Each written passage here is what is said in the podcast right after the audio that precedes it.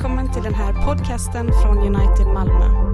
För mer information om oss besök www.unitedmalmo.nu och följ oss på Twitter.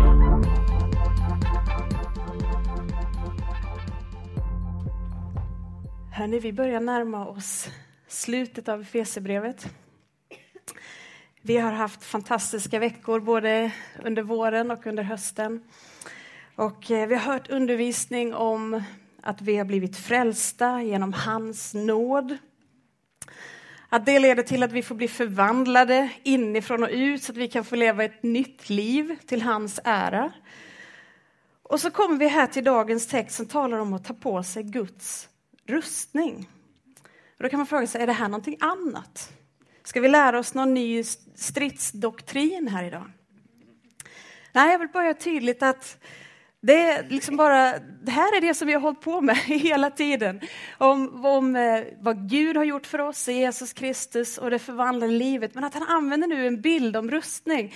Det är egentligen bara för att belysa allvaret i det här. Och för att belysa att det, här, det finns en dimension av strid i det kristna livet.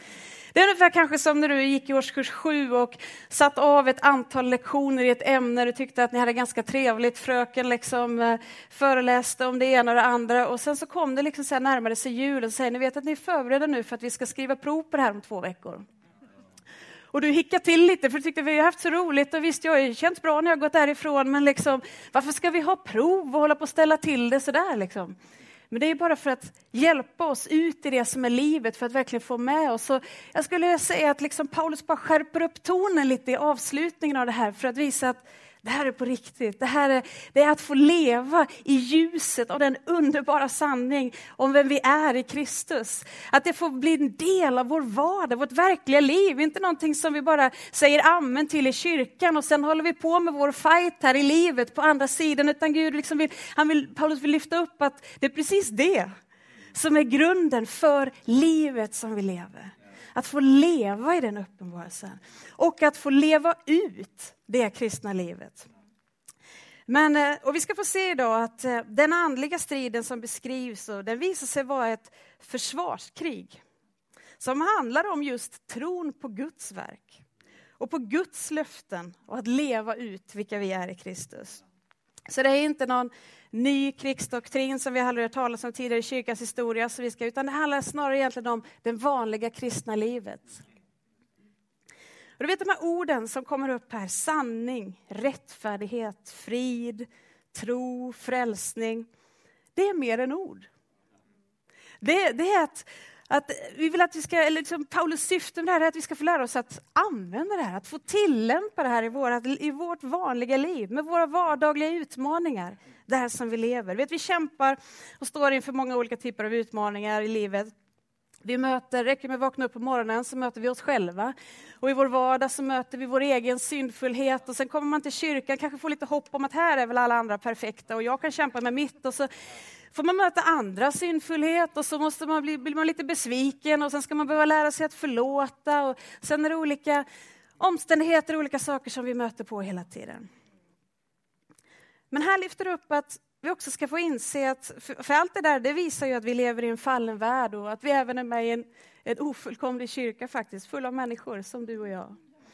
Men Paulus vill också att vi ska inse att vår kamp Nej, inte bara mot kött och blod. Vår kamp består av något mer än relationella utmaningar med andra människor. Det finns mörkrets makter och ondskans andliga krafter som är emot att vi ska få leva i ljuset av den, det som vi är kallade till, att få tillhöra Gud, leva i frid med honom, i harmoni med varandra och leva ut hans härlighet och ära.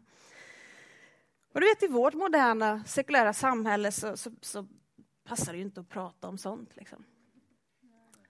Och vi, liksom, tro, att tro att det finns en djävul och demoner, eller att det överhuvudtaget finns en övernaturlig dimension i tillvaron, är något som vi kanske lätt vill sopa undan. Men Bibeln och Nya testamentet inte minst är mycket tydlig när det gäller detta. Evangelierna och breven överflödar med berättelser och instruktioner där övernaturlig ondska är en verklighet att räkna med. Och förra veckan, för dig som var här, annars så finns det att lyssna på inspelning, så började vi prata om det här med den strid som pågår. Först och främst ville Paulus lyfta fram att vi är i ett krig. När det gäller vårt lärjungaskap, när det gäller att få växa till i, i nåden, i Kristuslikhet, i det liv som Gud kallar, så befinner vi oss i en krigszon.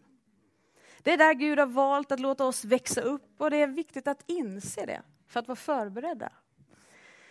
För den här striden kommer inte att upphöra förrän Kristi ankomst. Och om vi räknar med full frid och fred i den här världen så kommer vi bli bedragna. Vi får del av Guds frid och Guds fred, men inte i det perfekta i våra egna liv eller i omständigheter eller i relationer. Och det är det som vi behöver ha med i beräkningen, att vi behöver inte bli förvånade eller avskräckas i det naturliga, men också att det finns en annan dimension där vi möter motstånd. Och det är precis vad Gud sa till oss i sitt ord att vi skulle möta. Men när detta skrivs så gör, är det inte alls i någon attityd av rädsla eller fruktan, utan hela passagen är full av tillförsikt och hopp. Vi lämnas inte kvar med en känsla av förtvivlan, men med en tillförsikt att, att det här är en seger som är vunnen. Och anledningen till detta är inte vår fantastiska tillförtro till oss själva och vår egen förmåga, utan att Gud i Kristus redan har vunnit en seger. Så när vi talar om andlig krigföring så handlar inte det om att vi först och främst strider för seger, utan vi strider från seger. Och det är det vi ska börja med att titta på. Ett ord som återkommer lite i den här texten, det är ordet stå. Det är något ord, vi ska återkomma till några av de verserna som vi läste förra gången bara för att få hela sammanhanget. Häng med från vers 10, där står det så här. Till sist, bli starka i Herren, i hans väldiga kraft. Ta på er hela Guds vapenrustning så att ni kan stå emot djävulens listiga angrepp. Ty vi strider inte mot kött och blod utan mot furstar och väldigheter och världshärskare här i mörkret, mot ondskans andemakter i himlarna. Ta därför på er hela Guds vapenrustning så att ni kan stå emot på den onda dagen och behålla fältet sedan ni fullgjort allt. Stå alltså fasta. Ser ni att det är ett ord som återkommer och det bara stryker under och visar för oss att det handlar först och främst om ett, ett defensivt snarare än att nu ska vi ut och attackera och liksom jaga djävulen överallt. Utan det handlar om att vi har fått ett tillstånd, en position där vi bara ska få leva i det så att vi kan stå. Därför att du och jag, vi har så lätt i vårt liv att hålla på och wobbla omkring. Det går upp och det går hit och vi liksom möter olika saker och vi faller hit och vi faller dit. Men vår Gud, en stark Gud. Och Gud vill ge oss av sin styrka, sin, sitt liv, sin frid, sin härlighet så att vi kan få stå fast. Så att vi kan stå. Och egentligen så skulle man kunna faktiskt titta på det begreppet utifrån, om vi tittar på brevet som sin helhet, så skulle man kunna beskriva de här delarna vi har gått igenom utifrån tre kroppspositioner. Den första delen det är just att få lära sig att sitta, att få finna vilan i Kristus. Sen handlar det om vår vandring med Gud i det nya livet för att sen kunna stå. Du vet, I de första tre kapitlen så talades det om just vad Gud har gjort för oss i Kristus. Vi talade hela våren om saved, att vi är frälsta, att vi är utvalda, att vi är adopterade, att vi får fått del av Guds ande och allt olika, olika grejerna. Och det är bara för att det här börjar hela det kristna livet. Det handlar inte om någonting vi kan förtjäna, det handlar inte om, om någonting vi kan bidra med, utan det handlar bara om att finna en, en vila. Och där Efesierbrevet 2 faktiskt talar om just det, jag läser det hemma, just att han har uppväckt oss med honom och satt oss med honom i den himmelska världen, i Kristus Jesus. Det är vår position. Det är det som är utgångsläget. Det börjar liksom aldrig med nu välkommen ut i en andlig strid, liksom. utan det börjar med ett utgångsläge av vem, vem, vem Gud är, vem Kristus är, vad han har gjort för oss och vem vi är i honom. Det leder också till, med det som fundament, så kallar Gud ut oss i ett nytt liv. Att vi inte bara förklarar oss för något, utan han ger oss av sin ande, av sitt liv, nya begär, ny längtan där vi får börja leva värdigt den kallelse som vi har fått. Det är liksom inte att om vi lever tillräckligt värdigt så kommer Gud vilja använda oss eller ge oss en kallelse, utan Gud har gett oss en kallelse. Gud ger oss ett nytt liv, en ny riktning och det får vi börja vandra i. Och det är egentligen vad det kristna livet handlar om. Att få sitta med Kristus, finna vilan i hans verk, få börja leva ut ett nytt liv. Och när vi gör det, då kommer vi att stå.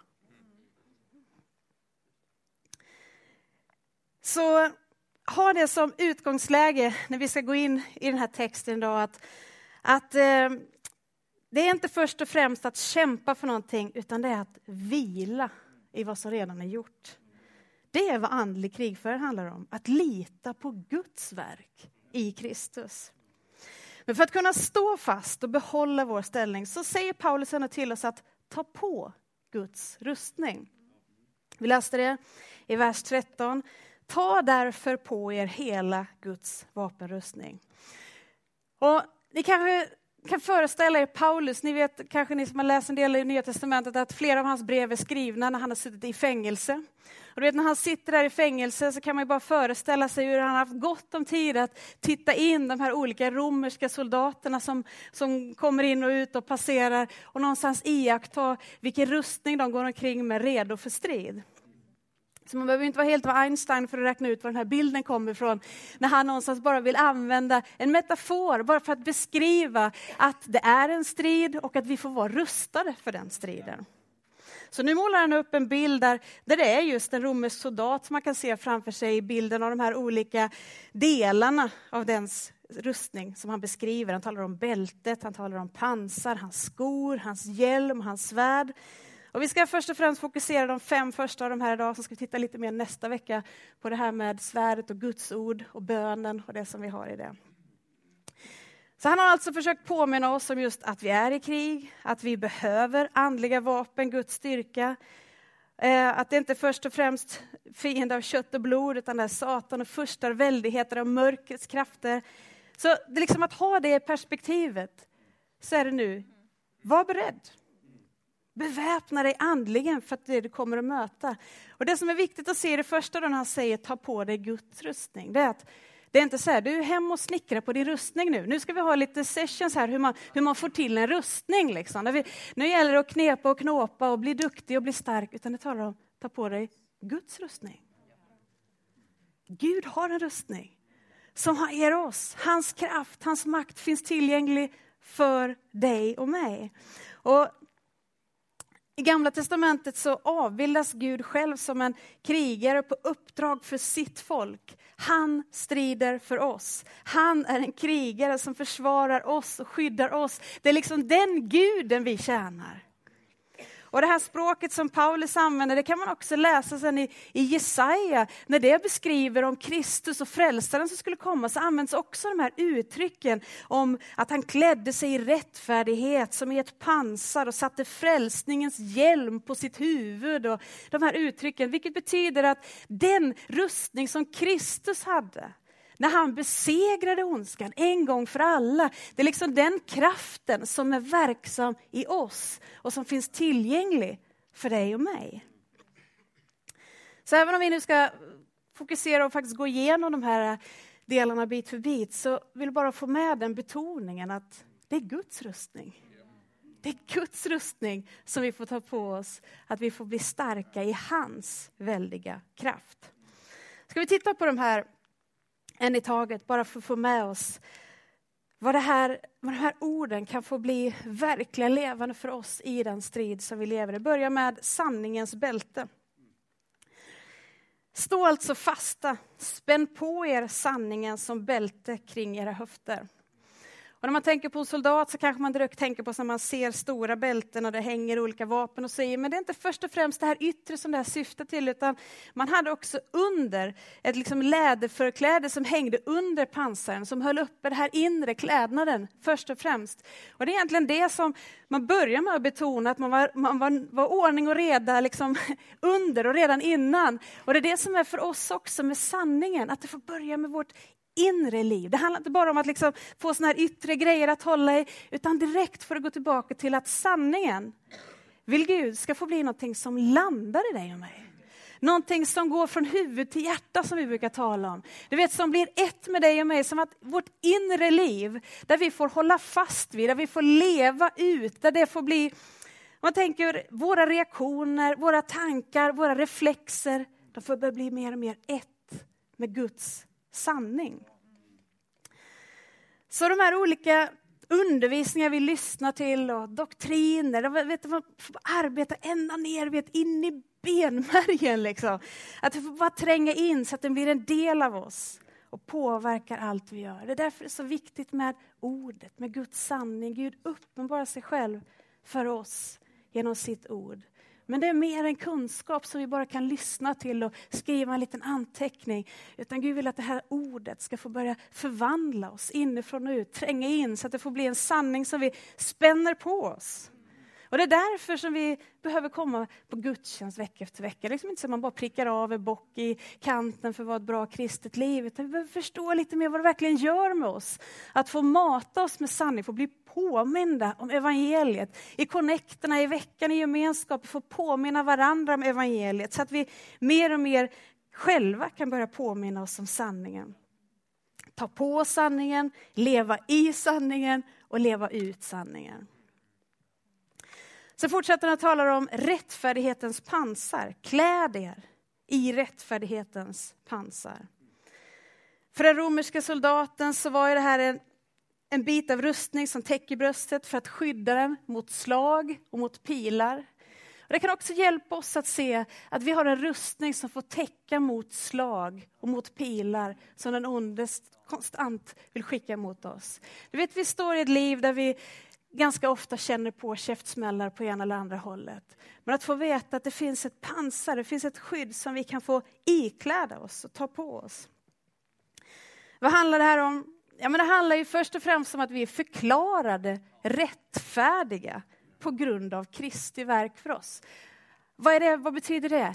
Det betyder att vi har fått en rätt ställning inför Gud. Det står rätt till mellan oss och Gud. Inte på grund av någonting som vi har gjort för att förtjäna det, men på grund av att Kristus tog vår plats, betalade mänsklighetens straff, så kan vi få leva i den ställningen att det står rätt till mellan mig och Gud.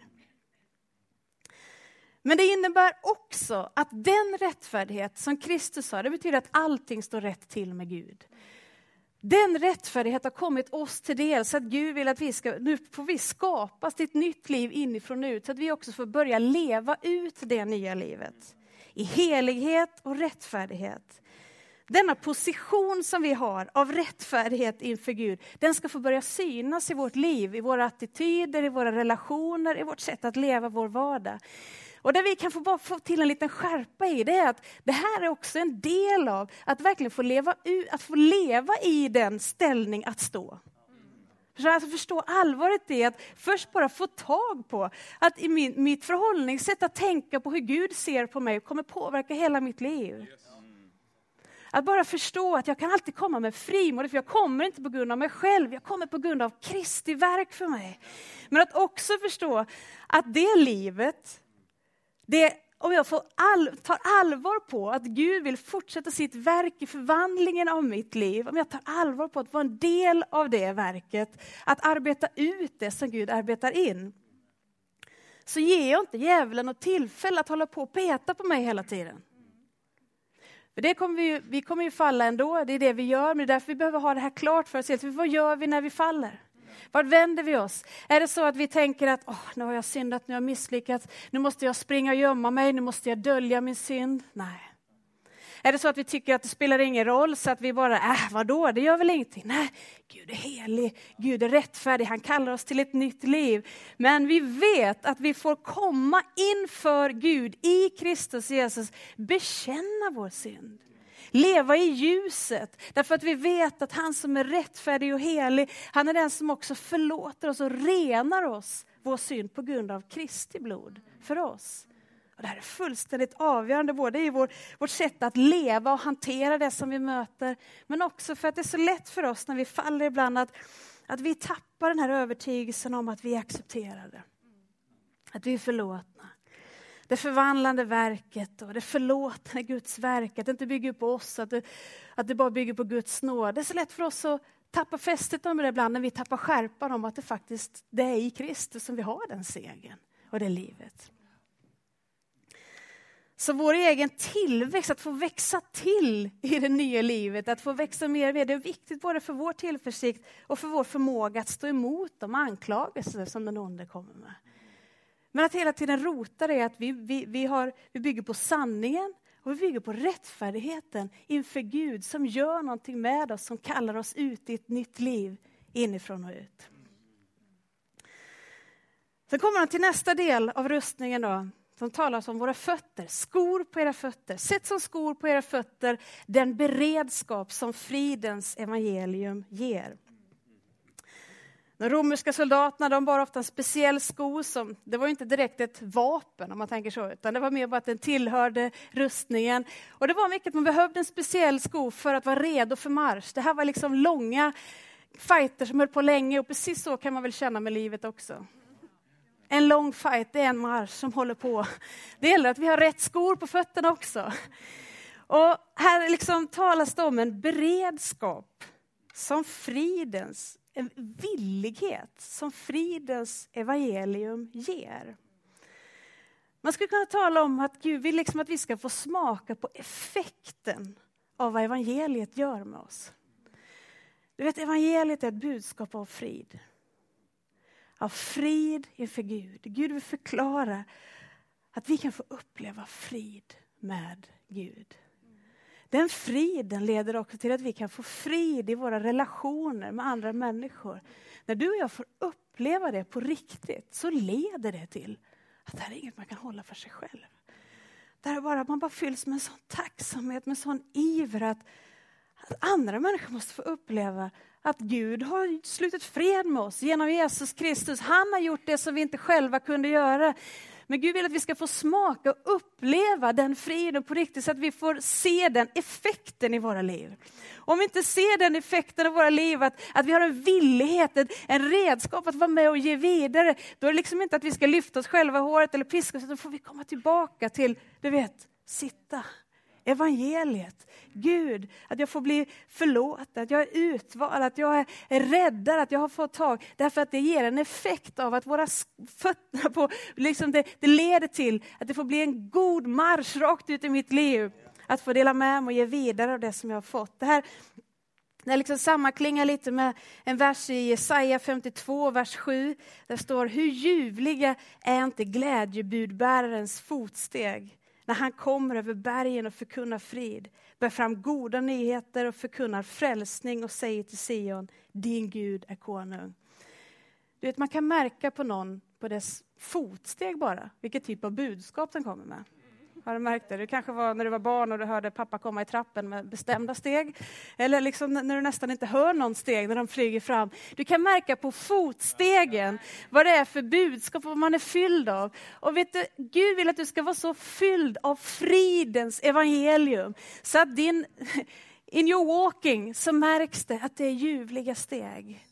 Ja, därför får det också bli bara en del av din rustning.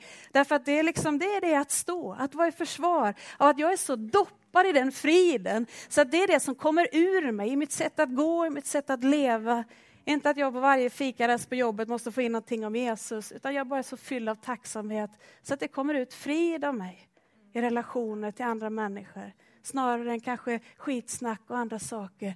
Utan Gud bara doppa oss med den frid så det blir en del av vår rustning mot all annan ondska som vill sköta oss på sig själv eller att det här är för oss. Så kommer Gud med ett annat budskap som till och med får effekt på våra fötter och vår villighet att få med och ge vidare det som vi själva har fått.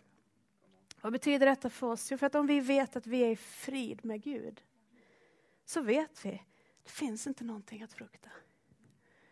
Och du vet att bara få den tillförsikten. Att det som vi tror på, det är det som Gud har gett oss. Det är det som vi har fått av honom. Det är inte något vi har gjort själva, att något vi får ta emot som en gåva. Det skapar mod och det skapar en villighet. Nästa sak är trons sköld.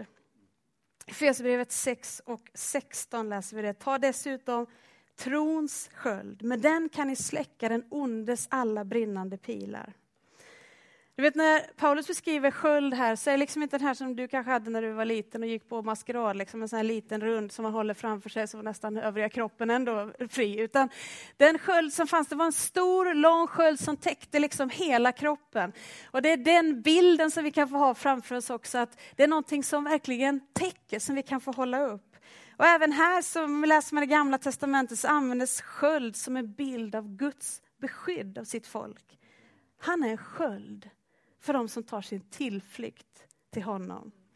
Och att få hålla uppe tron, det är att, att få gripa tag i Guds resurser. Och att få eh, hålla fast vid de sanningar som vi har fått. Allt det du lyssnar till är Saved och i Changed, att få hålla uppe det. Det, vet du, det handlar inte om att vi mäter hur stor tro vi har, hur stor sköld vi har. Liksom. Ja, min tro är, vi ska pumpa upp och så. Det handlar inte om hur stor tro vi har. Det handlar om vem vi sätter vår tro till. Och det är det som är liksom den här stora skölden som skyddar oss. Det är Gud. Det är inte att vi känner att ja, men nu känner jag mig laddad, nu har jag varit på möte, nu känns det bra. Utan de här sanningarna, det är det som vi kan få leva i, som kan få börja slå rot i oss, hur Gud ser på oss, vem vi är i honom, den frid vi har fått ta del av honom. Så att vi kan få hålla upp den skölden och bekänna oss och hålla fast vid att de här löftena, de gäller mig. För du vet, är det någonting som vi kommer få hålla, som, som lätt vill komma? Ja, ja, alltså det är ju säkert sant, men skulle det gälla dig? Och framförallt just nu. Du som inte har varit här på flera veckor, du som har gjort det här. Du som igår sa, och du som inte ens kan, du säger en sak och du kan inte hålla du lever, alltså, Och det är så olika saker, det är de här grejerna som hela tiden vill komma emot oss. Och att då få hålla uppe att jag bygger inte mitt liv på mina omständigheter, mitt senaste gig, på hur det känns, utan på sanningen om vad Kristus har gjort för mig. Och en rättfärdighet som har blivit mig till del och som mer och mer förvandlar mig inifrån och ut, att få leva ett nytt liv. Och en frid där det liksom faktiskt inte bara känns lite fint i hjärtat med lite julstämning vid första advent, utan en frid som påverkar mitt förhållande till Gud, till mig själv, till människor, till världen, till i min vardag och som gör det där jag kan få hålla uppe trons sköld, att mitt i omständigheter, för jag vet att det är tufft, det, vi kan bara titta här inne, just nu så vet jag att det pågår jättemånga tuffa omständigheter. Och det är mitt där som vi kan veta att den Gud vi tror på är en Gud som går med oss hela vägen. En tro som vi kan få lita på att Gud som håller hela världen i sin hand, han håller din situation i sin hand också. Även om vi kan undra varför, även om vi kan undra vad ska det leda till, varför behöver det här drabba mig? Så kan vi få hålla uppe eh, en tro på att frälsningen och Guds löfte, det gäller mig hela vägen. Och det leder till det sista som vi ska ta här idag och det är om frälsningens hjälm. Ta emot frälsningens hjälm återigen så liksom vill han bara lyfta upp det här att omfamna vår härliga frälsning. Och nu belyser han det just utifrån hjälmen, ännu mer utifrån vårt tankeliv. Att, att utmana oss att utveckla ett disciplinerat tankeliv där vi får tänka Guds tankar om oss själva, Guds tankar om Gud. Alltså, Gud har ju själv berättat för oss hur han tänker om oss. Men vi har ju en förmåga att själva göra tankar om hur vi tror att Gud tänker om oss och vår situation och olika saker. Men att få hålla fast vid Guds sanning och hålla fast vid i vårt tankliv, vårt sinne, att återigen bara få omfamna Guds frälsning för oss. Vi har ju läst tidigare i brevet om frälsning som Gud redan har gjort, när han har gjort oss levande tillsammans med Kristus. Ett verk som vi kan se på där vi har fått ta emot frälsningen, fått hända någonting på vår insida som vi har fått ge respons på. Vi har också talat om ett pågående verk där Gud fortsätter att, att eh, med sitt verk förvandla oss inifrån och ut så att vi blir mer och mer lika Kristus. Ett pågående frälsningsverk. Men vi har ett hopp om att en dag också få komma ut i det i full blom, så att säga. När Guds rike kommer, när Kristus kommer tillbaka och när vi får, får uppleva frälsningen fullt ut. Och Det är det hopp som vi får leva i. Gud vill bara förankra det hoppet för dig. Att ingenting kan plocka dig ur Guds hand. Gud har frälst dig. Gud har räddat dig. Gud har kallat på dig. Att få uppleva den tryggheten för om den tryggheten får slå rot i dig. Vilka omständigheter kan då rubba det? Vilka misslyckanden, vilka hot, vilka tankar. Utan då kan vi stå. Då kan vi stå. Jag vet, för mig har det varit så många av de här sanningarna som jag bara hört och hört och hört så många gånger. Och till slut är det nästan så att det bara går över huvudet på en och man liksom säger ja, ja, ja, jag vet det, jag vet det. Men ju mer jag har hört och ju längre åren har gått, ju mer jag bara fattar hur lite jag fattar av det där. De sista åren, så, och förlåt att jag blir lite rörd, men jag är så tacksam. Jag är inte alls ledsen, jag är bara glad. Eh, jag är bara så tacksam för att Gud själv har börjat väcka till liv sanningar som har bara såtts in i mitt liv. Att det är på riktigt. Och det gäller dig, Sara. Och du vet, det är det verket som Gud vill göra i dig och mig. För att vi på riktigt ska kunna stå, inte bara sitta och se lite fromma ut i kyrkan på söndag, utan kunna få stå, kunna få leva upprätt, kunna få vakna på morgonen och veta att jag lever med en Gud som är för mig. Jag lever med en Gud som verkar i mig. Jag lever med en Gud som vill leda mig hela vägen. Vad ska jag då frukt? Jag kan veta att det finns attacker, det finns ondska, det finns massa saker som kan komma i min väg. Vem kan vem kan göra någonting om Gud är på min sida, om Gud är för mig, om Gud har bestämt, om Gud leder mig, om Gud är den som har kallat på mig. Och jag bara älskar hur Paulus uttrycker det i Romarbrevet 8 och 38. Ty jag är viss om, och det är en övertygelse som jag tror Gud vill bara leda dig till också. Jag är viss om att varken död eller liv, Varken änglar eller furstar, varken något som nu är eller något som ska komma, varken makter, höjd eller djup eller något annat ska kunna skilja oss från Guds kärlek i Kristus Jesus, vår Herre. Du vet, det här är en strid som handlar om försvar. Att få stå fast. Det börjar med att få sitta, att få en vila i Gud. Men att inte stanna där, utan Gud bara kallar på det, att börja få vandra, få börja leva ut det kristna livet. För när vi gör det, då kommer du inte längre uppleva lika mycket hur det går upp och hur det går ner, hur det går hit och hur det går dit, utan då kommer du märka att jag står fast. Inte för att jag håller på att jaga varenda demon som tittar ut, utan för att mitt fokus är Kristus. Jag måste få tag på ännu mer vad det betyder. Om det här är centrum av livet och jag liksom har ägnat inte hur många veckor och dagar av mitt liv att sitta och lyssna till och få ta del av det, sjunga sånger. Jag måste få tag på det. Gud, gör det levande i mig. Väck det till liv så att jag kan få leva i den sanningen. Om det här är sant, om det är en verklighet. Att det är den enda plats där vi kan finna vår mening, vår tillfredsställelse. Då vill jag ha tag på det Gud. Och det är där Gud jobbar tillsammans med oss. Det är hans verk. Han talar till oss genom sitt ord. Men han ger oss också en uppmaning att ta på er. Ikläd er en ny klädnad. Vi vet, lev inte längre som förut, där ni levde liksom och trodde att det bara var ni själva i centrumet. Alla utan Nu är ett nytt liv.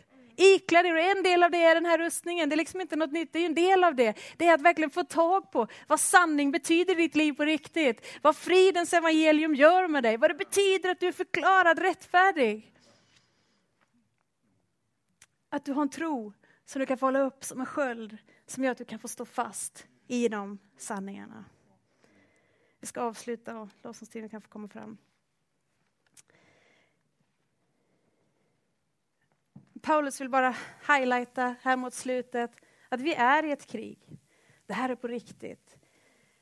Men vår strid, vår del är det inte att vi måste strida nu för seger, utan vi strider utifrån en seger som är vunnen, där vi får behålla vår position i Kristus, i hans verk.